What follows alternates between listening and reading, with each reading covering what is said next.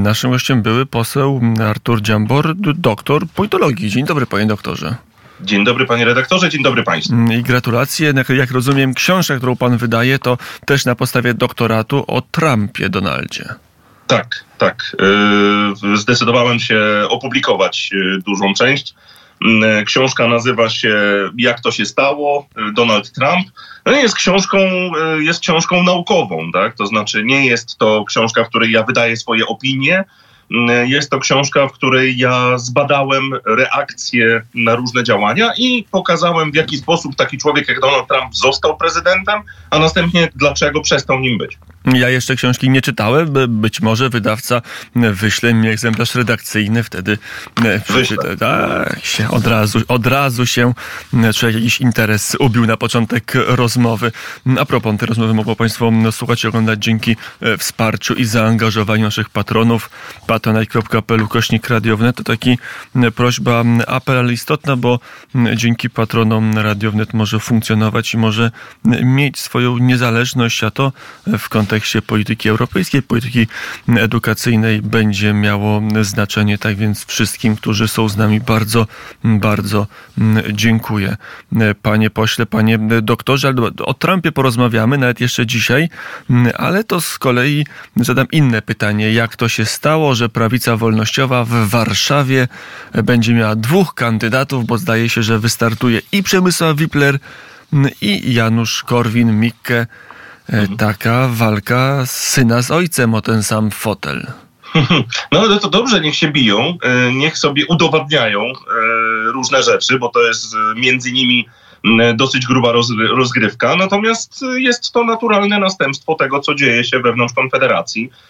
Plan usunięcia Korwina Mikke był od wielu lat w głowach obecnych liderów. Podobnie zresztą będzie z Grzegorzem Braunem. Zaczęto ode mnie i od kolegi Kuleszy. No później będzie trzeba, trzeba było kontynuować. No to jest kontynuacja. Janusz Korwin-Mikke dzisiaj jest poza Konfederacją, tworzy własny ruch, szykuje się do eurowyborów. Zobaczymy, jak ten, jak ten start w kampanii warszawskiej mu w tym pomoże. Mm, a jak pan odczuwa, mm, to zanim wejdziemy w głąb Polskiej Prawicy Wolnościowej, mm, w te rozgrywki, w, w tej grze ideowe, być może jakieś różnice, to kto kogo zaorze? Czy Janusz Korwin-Mikke zaorze wyborczo Przemysława Wiplera?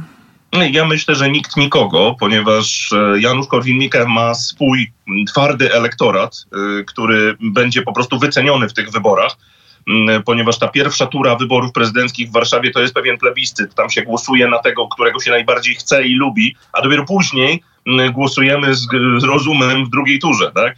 Mm, więc Janusz Korwin-Mikke myślę, że swoje dostanie, y, a Przemysław Wipler dostanie to, co Konfederacja mu wygeneruje.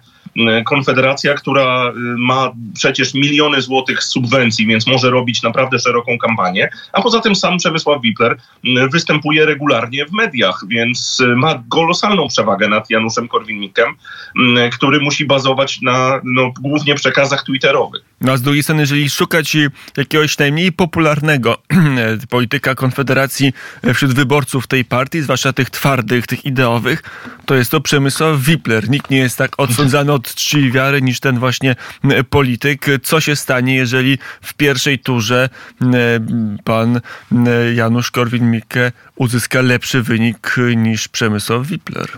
no to by była gigantyczna porażka dla całej Konfederacji, bo to będzie początek końca już całkowity tego ruchu. Rzeczywiście Przemysław Wipler steruje swoim przekazem bardziej w stronę centrum i to się nie podoba twardym, twardemu elektoratowi Konfederacji. Ten twardy elektorat dzisiaj zgromadzony jest częściowo wokół Janusza Korwin-Mikke, a częściowo wokół Grzegorza Brauna. I to, to są ci liderzy Mm, tej twardej, takiej właśnie konfederacyjnej prawicy.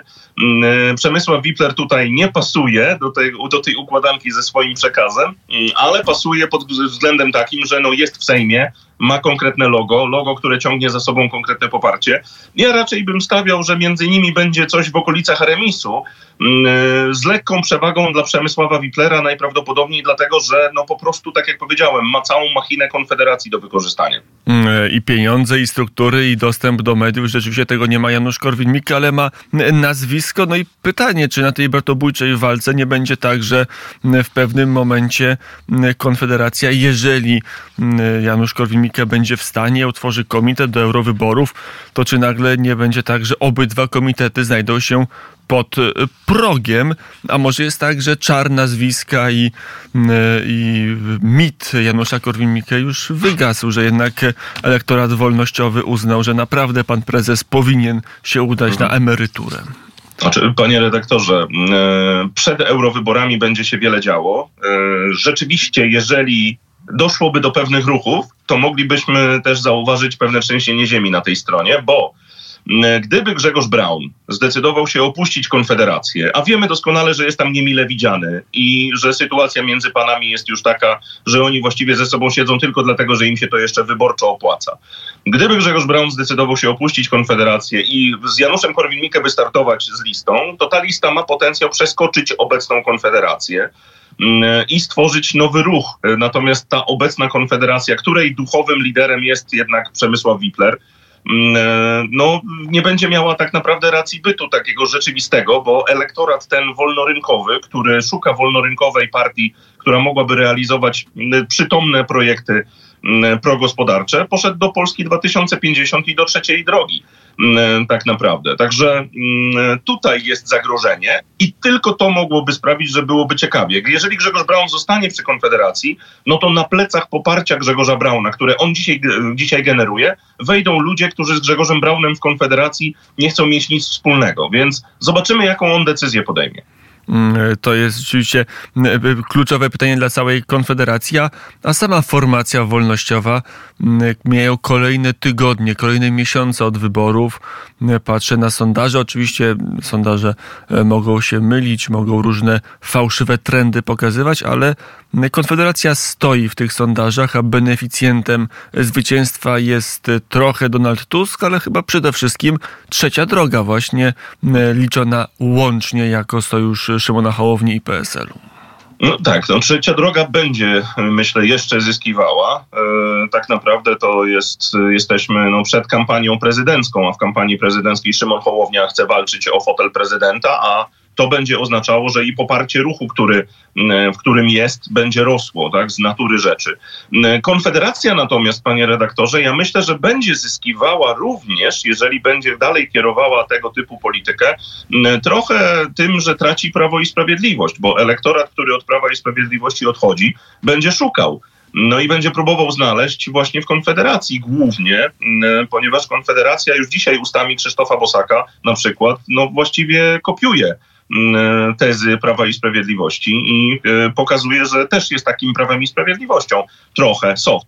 Mm, więc, e, więc tutaj się bardzo ciekawie dzieje, bo my nie wiemy, jaka jest przyszłość Prawa i Sprawiedliwości. Mm, prezes Kaczyński powiedział, że odchodzi wkrótce, zobaczył, kto się cieszy, a następnie ogłosił, że jednak zostaje, ale sobie zdiagnozował po prostu wewnętrzne układy. Więc A z e, drugiej strony wiemy, jest, to, jest to lider, który no, spotyka się z coraz większą kontestacją nieoficjalną wewnątrz klubu, ale także oficjalną wśród zwolenników. Chociażby tutaj warto e, przytoczyć listy no, osoby przychylnej i wyborcy Prawa i Sprawiedliwości, osoby, która pewnie będzie dalej na tą formację głosować, na tę formację, ale, ale mówi, że już najlepiej, żeby ta formacja nie była pod przewodnictwem Jarosława Kaczyńskiego. No, trochę sobie tego nie wyobrażam. Uważam, że Jarosław Kaczyński będzie liderem Prawa i Sprawiedliwości cały czas. E, natomiast no, wiemy doskonale, że są tam frakcje i te frakcje ze sobą jakoś się biją. I myśmy te frakcje zobaczyli teraz, bo każda z nich ruszyła do boju o to, żeby lider tejże był, był rzeczywistym przyszłym liderem Prawa i Sprawiedliwości może dojść do naprawdę dużego trzęsienia ziemi, łącznie z rozczłonkowaniem się Prawa i Sprawiedliwości na dwa różne ruchy na przykład.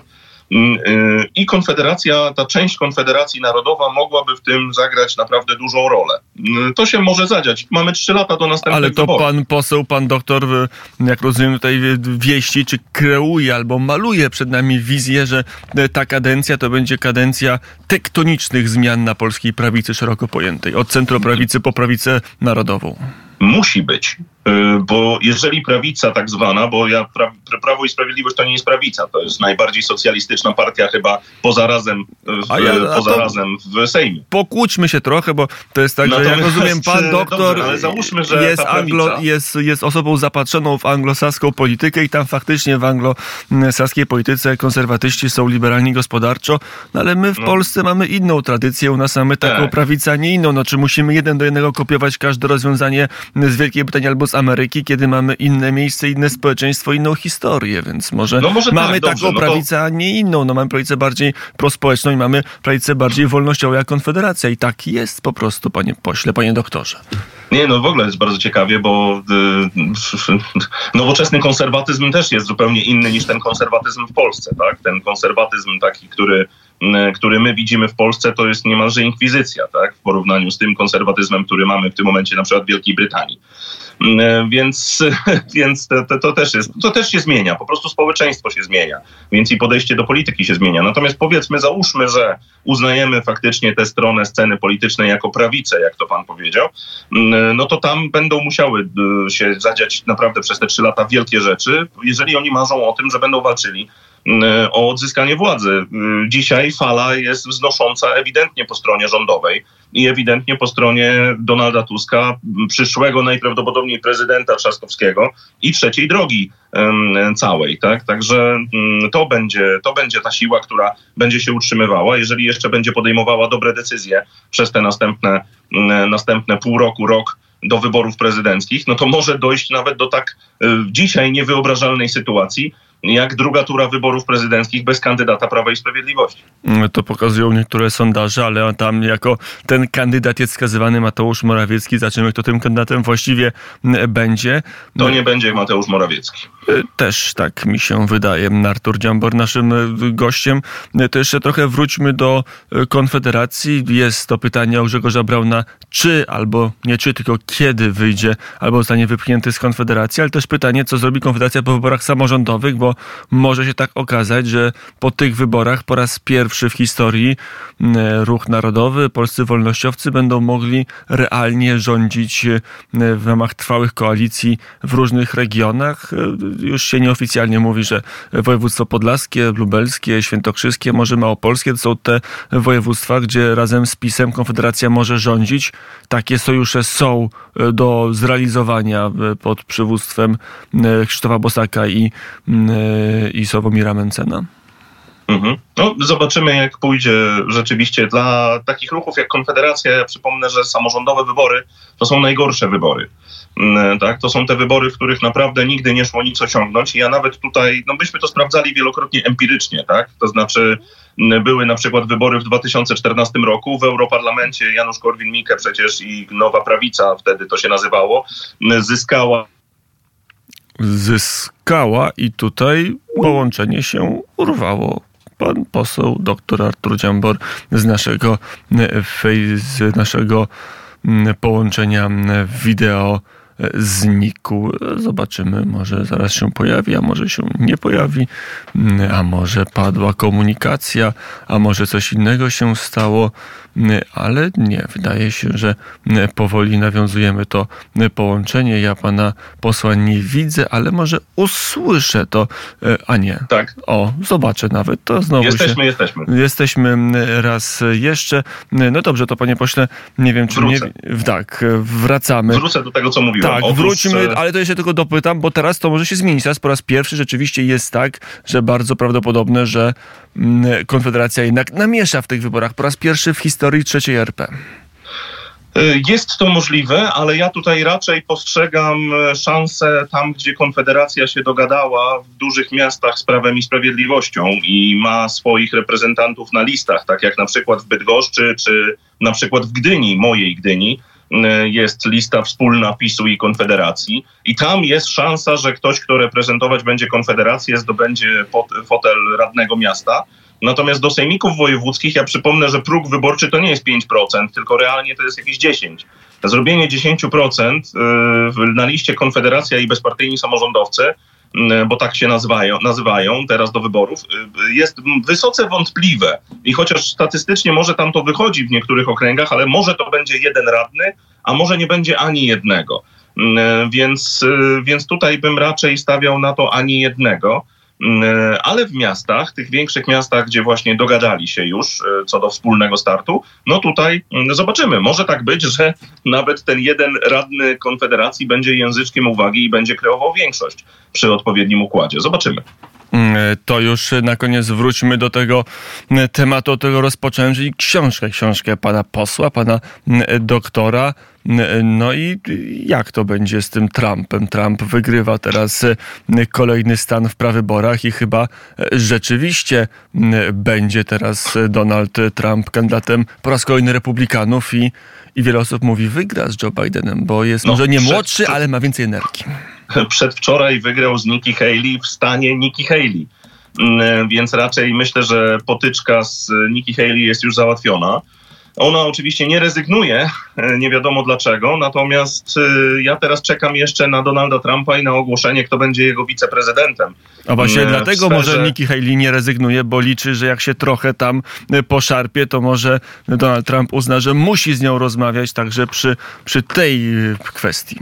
E, tak, e, natomiast ja wyobrażam sobie, że on będzie chciał doprowadzić do jakiegoś fatality. Jeżeli chodzi o wiceprezydenturę, to ja bym wyciągnął rękę do DeSantisa. E, I to z wielu powodów, tak? Również z tych powodów, że no jednak są pewne zarzuty na nim i sprawy karne, które na nim ciążą. I może tak być, że mm, w trakcie jego kadencji, jednak czteroletniej, no doszłoby do impeachmentu. E, a jeżeli tak, no to wtedy dobrze by było, żeby prezydentem został DeSantis, który i tak jest projektowany na przyszłego lidera, na przyszłego przywódcę. Więc gdyby oni we dwóch wystartowali, mm, a przypomnę, że no DeSantis ma naprawdę bardzo duże poparcie w, w, tym, w tym e, środowisku, no to mogłoby być bardzo ciekawie, szczególnie, że Joe Biden no, takich pomysłów nie ma które mogłyby tak elektryzować e, społeczeństwo. W Stanach Zjednoczonych doszło do, do przesunięcia wajchy znowu na stronę republikańską, więc e, myślę, że Donald Trump e, powinien wygrać z Joe Bidenem, mm, ale jest to oczywiście bardzo ciekawe też i mówię badawczo, tak, dlatego że mm, tamte wybory są zupełnie inne niż wybory w Polsce. One zupełnie innymi prawami się rządzą, inaczej wygląda system wyborczy. Ja to opisuję w mojej książce, mm, tak żeby wytłumaczyć czytelnikowi, na czym to polega, żeby wiedział, że to nie jest tak jak w Polsce. Tak? Tu w Polsce polityka i demokracja jest na bardzo mm, prostym, niskim poziomie w porównaniu ze Stanami Zjednoczonymi. Tam w Stanach to jest bardzo zawiły system, mm, w który umie, trzeba umieć grać. I Donald Trump, y, no, jego sztab umie w to grać. Mm, i umie sobie poradzić. Zobaczymy, czy e, równie dobrze będzie już w tej dużej mm, kampanii, a potem z rządzeniem, bo Donald Trump mówi, wiele się nauczył i teraz już wie, jak osuszyć bagno mm, w Waszyngtonie. To jeszcze na koniec pytanie dla Polski. E, prezydentura Donalda Trumpa będzie katastrofą? Nie, nie będzie katastrofą, natomiast wiem, że duża część komentatorów e, postrzega Donalda Trumpa jako kogoś niezrównoważonego i niebezpiecznego.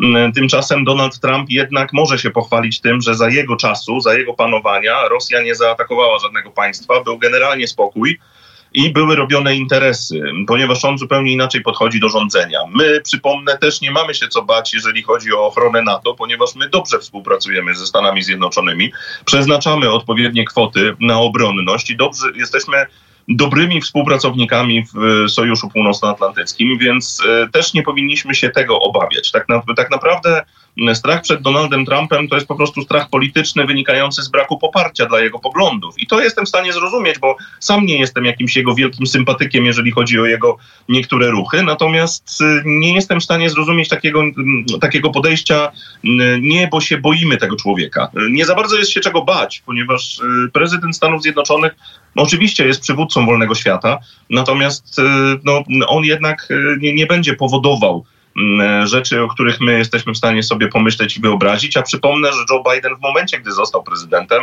mm, no, był jasno wysłany sygnał, że administracja Joe Bidena nie będzie ostro reagowała na e, pewne posunięcia i e, pewne takie roz, rozbestwienie się było ewidentne. Mm, I o tym mówił dr Artur Dziambor, były poseł mm, Konfederacji, teraz politolog, ale też obecny w polityce na takiej ławce rezerwowych. Zobaczymy, co się wydarzy w przyszłości. Panie pośle, panie doktorze, dziękuję bardzo za rozmowę. Dziękuję pięknie, miłego dnia życzę.